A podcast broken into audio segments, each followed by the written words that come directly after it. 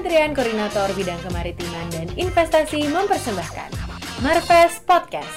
Arungi lebih dalam. Halo tim Marves, apa kabar? Kembali lagi nih di podcast Marves bersama saya Fadia.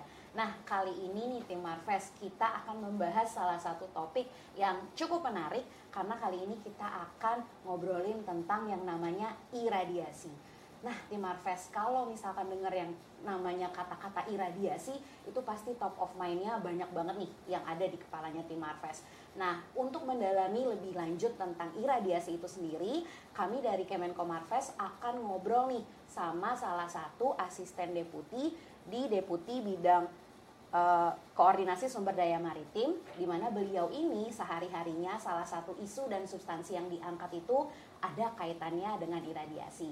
Nah, langsung saja nih kita ngobrol yuk sama Bapak uh, asisten deputi bidang peningkatan daya saing yaitu Bapak Didi Miharja. Nah, Bapak selamat pagi Pak. Selamat pagi Bapak Dia apa kabar? Baik Bapak, gimana Pak liburannya? Alhamdulillah liburan nikmat sekali. Ini ya, nikmat, karena nikmat banget ya Pak. Nikmat banget ya, alhamdulillah. Udah ya. siap untuk bekerja lagi ya Pak? Dan Hari kembali. Senin sudah masuk bekerja dan kita alhamdulillah walaupun WFH tetap kita bekerja. Wah, ya. berarti tetap produktif ya Pak walaupun Amin WFH. amin ya. Oke, nah ini nih Pak, uh, tim Marves ini pengen tahu uh, lebih lanjut lagi tentang yang namanya iradiasi. Nah pastinya kalau misalkan kita ngomongin tentang yang ada iradiasi, ada radiasi, pasti pikirannya ke mana-mana Pak. Ada yang mikirin tentang nuklir, ada yang mikirin tentang dan yang lain-lain sebagainya pokoknya. Nah kalau dari Pak Dedi itu sendiri, uh, sebenarnya iradiasi itu artinya apa sih Pak? Ya, baik. Terima kasih eh, sahabat Marpes semuanya. Ini eh, materi yang bagus ya tentang iradiasi. Saya pikir kita tidak lepas keseharian terhadap radiasi. Eh, kenapa? Karena setiap hari kita naik kendaraan mengada mengandung radiasi. Setiap hari kita kena matahari radiasi. Kita tidur di rumah pun ada radiasi dengan lampu. Kita pakai handphone ada radiasi. Semua ada radiasi. Jadi kehidupan kita tidak lepas dari yang namanya radiasi. Nah, oleh karena itu, tapi bagaimana radiasi ini ada dua, radiasi alam dan radiasi buatan. Nah, tentu kalau kita radiasi alam, ya tadi kita sampaikan, bahkan kita ini di dalam tubuh manusia ada radiasi sebanyak 25 milirem, ya. Itu dari eh, karbon 14 ya, itu radiasi yang ada tubuh kita. Jadi eh, kita pakai jam tangan juga radiasi. Nah, oleh karena itu kita ini tidak perlu takut dengan radiasi, apalagi ya saya yakin cuma eh, masyarakat ya tidak apa namanya ada yang paham dan tidak paham. Contoh ya salah satu ya masyarakat kalau ada kecelakaan eh, kepalanya berdarah sedikit, ah, ini kan harus dicek nih. Dengan apa? Dengan CT scan. Itu radiasi. Kemudian ada patah tulang, itu diradiasi. Untuk apa? Untuk tindak lanjutnya seperti apa? Apalagi kepala. Kepala ini kan kalau kita lihat tabrakan orang, ini kan harus kita tahu di bagian mana dia bloodingnya sehingga eh, para dokter bedah untuk tindak lanjutnya itu lebih konkret lagi. Nah itu dengan iradiasi menggunakan eh, CT scan, gamma kamera dan lain sebagainya.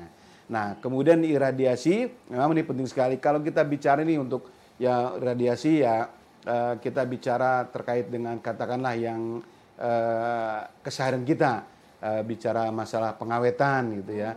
Nah pengawetan sebenarnya ada tiga pengawetan secara biologi, secara kimia, dan secara fisika. Kalau secara biologi itu pengawetan agar masa simpan panjang, eh, mutu tetap terjamin menggunakan eh, katakanlah daun selada, kesemek, dan lain sebagainya. Itu secara biologi. Kalau secara kimia itu menggunakan borak, gliseril, eh, gliserin, kemudian formalin, dan lain sebagainya. Nah itu dengan secara kimia. Tetapi dengan secara kimia ini itu itu nginep. Jadi kalau formalin, kita barang kita kasih formalin, ya seperti mayat dikasih formalin, itu kan tahan lama. Iya. Nah, begitu juga dengan eh, produk perikanan. Kalau kita kasih formalin, dia eh, masih simpan panjang. Tetapi perlu diingat, meninggalkan residu gitu.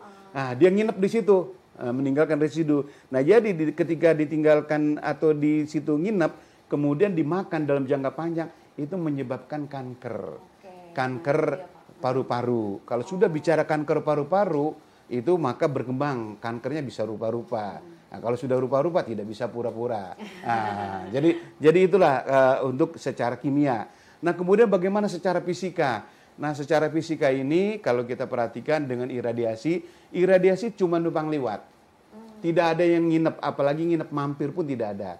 Jadi numpang lewat, tetapi di sini sudah disesuaikan dari hasil risetnya, hasil penelitiannya, eh, dosis radiasinya disesuaikan tergantung target yang diradiasi itu apa, gitu. Dan ini juga sudah ada keputusan dari Badan POM, ya dari Badan POM, Badan Pengawasan Obat dan Makanan, oh sekian kilogram, katakanlah contoh untuk kentang, untuk beras, untuk pepes, kemudian untuk kari ayam, uh, dan lain sebagainya atau rendang daging. Itu pun sudah ada semuanya. Nah, tetapi di sini tidak ada yang nginep. Apalagi nginep? Jadi, lewat, aja. lewat saja dengan iradiasi. Tetapi di situ ini yang perlu kita perhatikan adalah manfaatnya. Hmm. Manfaatnya adalah uh, yang pertama uh, untuk masa simpan panjang. Yang kedua mikrobanya mati di situ semuanya. Mikroba mati, yang mikroba pembusuk dan sebagainya itu hilang.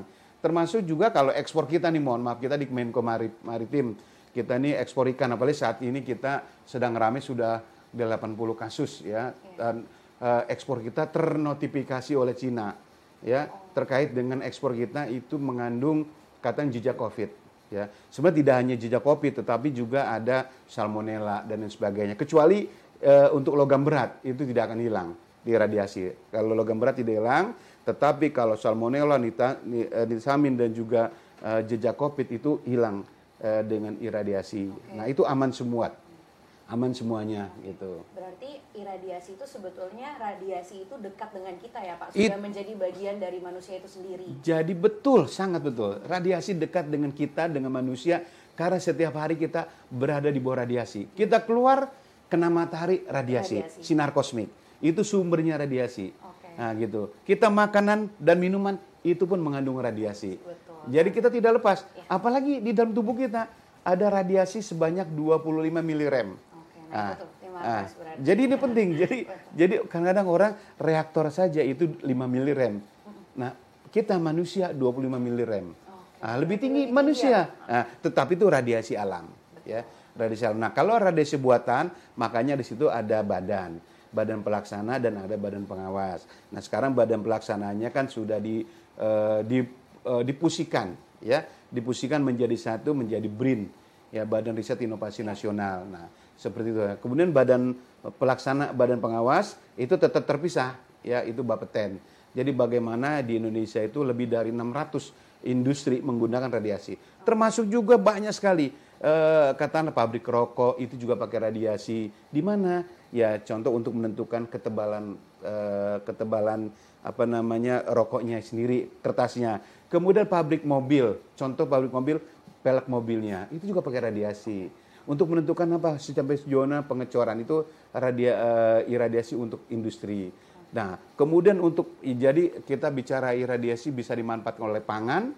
Pangan ada empat aspek, pertanian, peternakan, perikanan, dan pasca panen. Kemudian kesehatan, ya, kesehatan untuk kedokteran, ya, kedokteran itu banyak sekali, ya, baik untuk kita uh, bikin tisu bank, kemudian untuk eh, kesehatan tadi ya gamma kamera, untuk CT scan, untuk ronsen dan lain sebagainya. Okay. Kemudian industri yang tadi pelek ban segala macam itu semua industri. Jadi radiasi itu bisa dimanfaatkan ya kepada seluruh aspek ya, tetapi memang masyarakat kita yang masih agak awam. Okay. Nah, inilah butuh kita dari pemerintah bagaimana kita memberikan edukasi kepada masyarakat agar masyarakat itu bisa uh, paham memahami tentang uh, radiasi itu sendiri. Oke, ya. Nah itu dia tuh tim Marves salah satu uh, sosialisasi yang sudah ya. dilakukan yeah. sama Pak Deddy tentang yeah. iradiasi itu sendiri dan pemanfaatan teknologinya.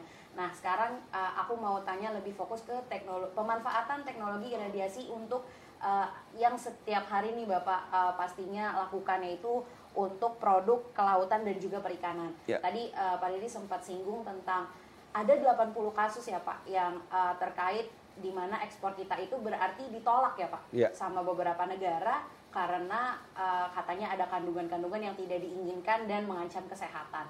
Nah ternyata teknologi iradiasi itu bisa jadi salah satu solusi ya Pak. Yeah. Nah itu uh, gimana tuh Pak penjelasannya? Nah jadi gini, itu sangat betul sekali.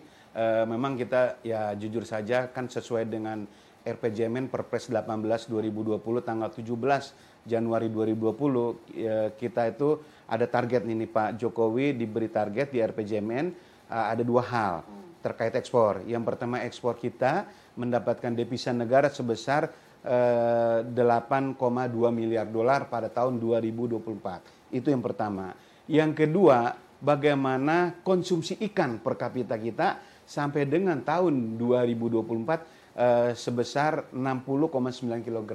Nah, dari 60,9 kg ini jadi itu makanya kita dorong. Nah, karena eh, dengan eh, makan konsumsi ikan ini agak sedikit, makanya kita bagaimana biar makan ikan itu lebih bagus. Nah, di sini juga terkait dengan ekspor. Ekspor kita itu bagaimana ekspor bisa diterima eh, berlanjut karena tadi devisa negara. Nah, oleh karena itu eh, solusi terkait masalah ini adalah dengan iradiasi. Karena ada negara-negara tertentu memang yang memang tidak menerima ekspor kita itu yang mengandung salmonella. Nah, salmonella itu dengan iradiasi hilang semuanya. Jangankan salmonella, jejak COVID pun hilang kecuali tadi logam berat. Nah, logam berat ini memang agak sulit. Saya pikir itu. Oke Pak. Nah eh, berarti sejauh ini Pak eh, menyongsong RPJMN 2024 itu sudah sejauh mana sih Pak perkembangan teknologi dan juga eh, penerapan dari teknologi radiasi itu sendiri di Indonesia? Ya, jadi gini, ini sangat tepat sekali. Ya, memang dari Pak Deputi sudah mendorong eh, Pak Deputi kami bahwa kita nih tolong dikonkretkan. Jadi kita sudah rapatkan rakor eh, dengan KL-KL terkait eh, rencana ke depan kita dorong di tiga titik. Yang pertama adalah eh, di Surabaya, yang kedua di Sulawesi. Di Sulawesi kita dorong itu di eh, Bitung, Sulawesi Utara. Karena di Bitung itu setelah kami ketemu dengan Pak Wali Kota bahwa Bitung itu eh, dijadikan kek kawasan ekonomi khusus khusus perikanan. Nah, jadi wah ini kalau bicara khusus perikanan berarti ekspornya harus benar-benar eh, bagus bisa diterima. Nah, salah satu contoh eh, agar tadi yang salmonellanya itu eh, dan bakteri lainnya itu hilang. Nah, termasuk juga mungkin jejak COVID-nya juga eh, insya Allah hilang. Nah, oleh karena itu ini kita dorong. Nah, satu lagi juga kita dorong agar implementasi iradiator itu di eh, Sumatera itu di Medan. Jadi tiga titik ini yang kita dorong. Saat ini di Indonesia memang sudah ada yang tertua itu di Batan, di Pasar Jumat itu eh, yang memang skala lab tetapi banyak juga dipakai. Yang kedua punya swasta itu di Cikarang. Sekarang sudah swasta murni eh, yang punya itu Singapura sekarang, bukan Indonesia lagi. Nah kemudian yang ketiga itu di Serpong 2017 diresmikan oleh Pak Wakil Presiden Pak Yusuf Kala. Nah jadi ini iradiasi hanya ada tiga, tapi yang satu untuk lab, yang dua ini untuk bisnis bisa eh, skala skala bisnis lah gitu, bisa diimplementasikannya gitu. Nah makanya kita perlu dorong lagi nih, eh, ada eh, karena kita kan target dari Pak Menteri, khususnya Menteri KKP sesuai dengan RPJMN, bagaimana penangkapan terukur. Nanti kalau penangkapan terukur kita jaga kualitas kita, karena kua- kualitas itu bicara mutu, bicara mutu bicara harga. Mutunya bagus, kualitas bagus, masa harganya juga premium.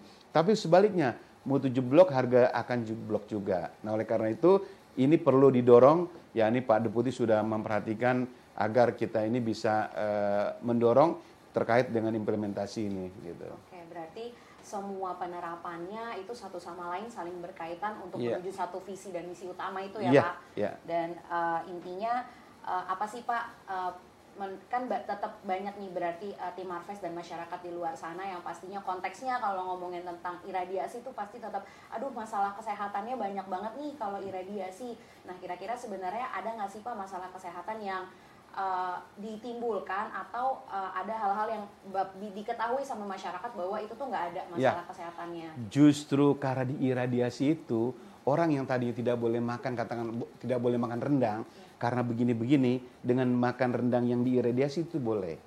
Justru ta- justru sebaliknya orang yang tidak boleh makan pepes ikan saya makan pepes ikan yang 8 bulan. Ke- Mungkin Mbak Bapak dia makan ikan pepes mungkin yang dua hari. Kalau saya 8 bulan saya makan pepes ikan gitu. Jadi justru itu malah bagus gitu. Artinya orang-orang yang dilarang makan itu bisa dimakan. Karena apa? Karena bakteri-bakterinya itu sudah tidak ada lagi. Gitu sudah terbunuh semua. Tetapi dari sisi rasa kemudian dari sisi kualitas itu tetap terjamin. Sejauh mana kemasan itu tidak eh, terbuka, ter- tertutup gitu. Apalagi sebenarnya di sini ada peluang bisnis sebenarnya. Iya. Peluang bisnis di mana? Kami dorong ya, kami bagaimana peningkatan desa ini. Jadi kami dorong para pengusaha, kita kan setiap tahun orang Indonesia pergi haji itu ke Mekah kan luar biasa, Oh, minimal Pak. 100 ribu orang. Eh, 100 ribu, 200 ribu. Ini kalau orang di sana, orang pergi haji pengen makan pepes, pengen kari ayam, pengen Kalau makan makan rendang, makanan Indonesia ya, Ah, makan? Indonesia kan nggak sempat masak. Iya. Nah pengen instan. Nah inilah di sini bisa masuk ya dengan di makanan di iradiasi. Karena apa? Sudah siap. Bahkan ya rendangnya tuh lebih enak dengan diiradiasi. Memang sih ada tentuannya satu kilo eh, daging berapa kelapanya, mungkin lebih rendah karena karena biar tesnya rasanya lebih enak lagi. Jadi ini sebenarnya peluang bisnis juga Intinya gitu. lebih menguntungkan ya Pak bahkan Betul. untuk masyarakat itu Ya, sendiri. ya. Nah, oke nih Pak, terakhir harapan Bapak dalam pengembangan dan penggunaan teknologi iradiasi ini apa sih Pak untuk Indonesia? Ya, harapan untuk eh, Indonesia agar kita Indonesia bisa mengimplementasikan eh, iradiasi eh, lebih banyak lagi. Kalau kami me- ya kami berharap ya setiap pulau besar itu ada iradiator. Oh, itu Nah, dia Pak ya. Ada iradiator pulau besar. Cuma kan melihat penganggaran karena ya, kalau kita lihat untuk swasta kayaknya kecil sekali ya. Jadi di sini biar negara hadir. Ah, biar negara hadir nanti kan karena iradiasi tidak hanya buat pengawetan. Ya. Contoh orang operasi, dokter-dokter mau operasi, itu alat-alatnya disterilisasi dengan iradiasi. Nah, kemudian juga alat-alat kecantikan Iya. atau bahan-bahan bedak dan lain sebagainya. A- Atau juga ekspor-ekspor dari eh, pangan itu diiradiasi, tidak hanya ikan. Jadi eh, multifungsi iradiasi ini.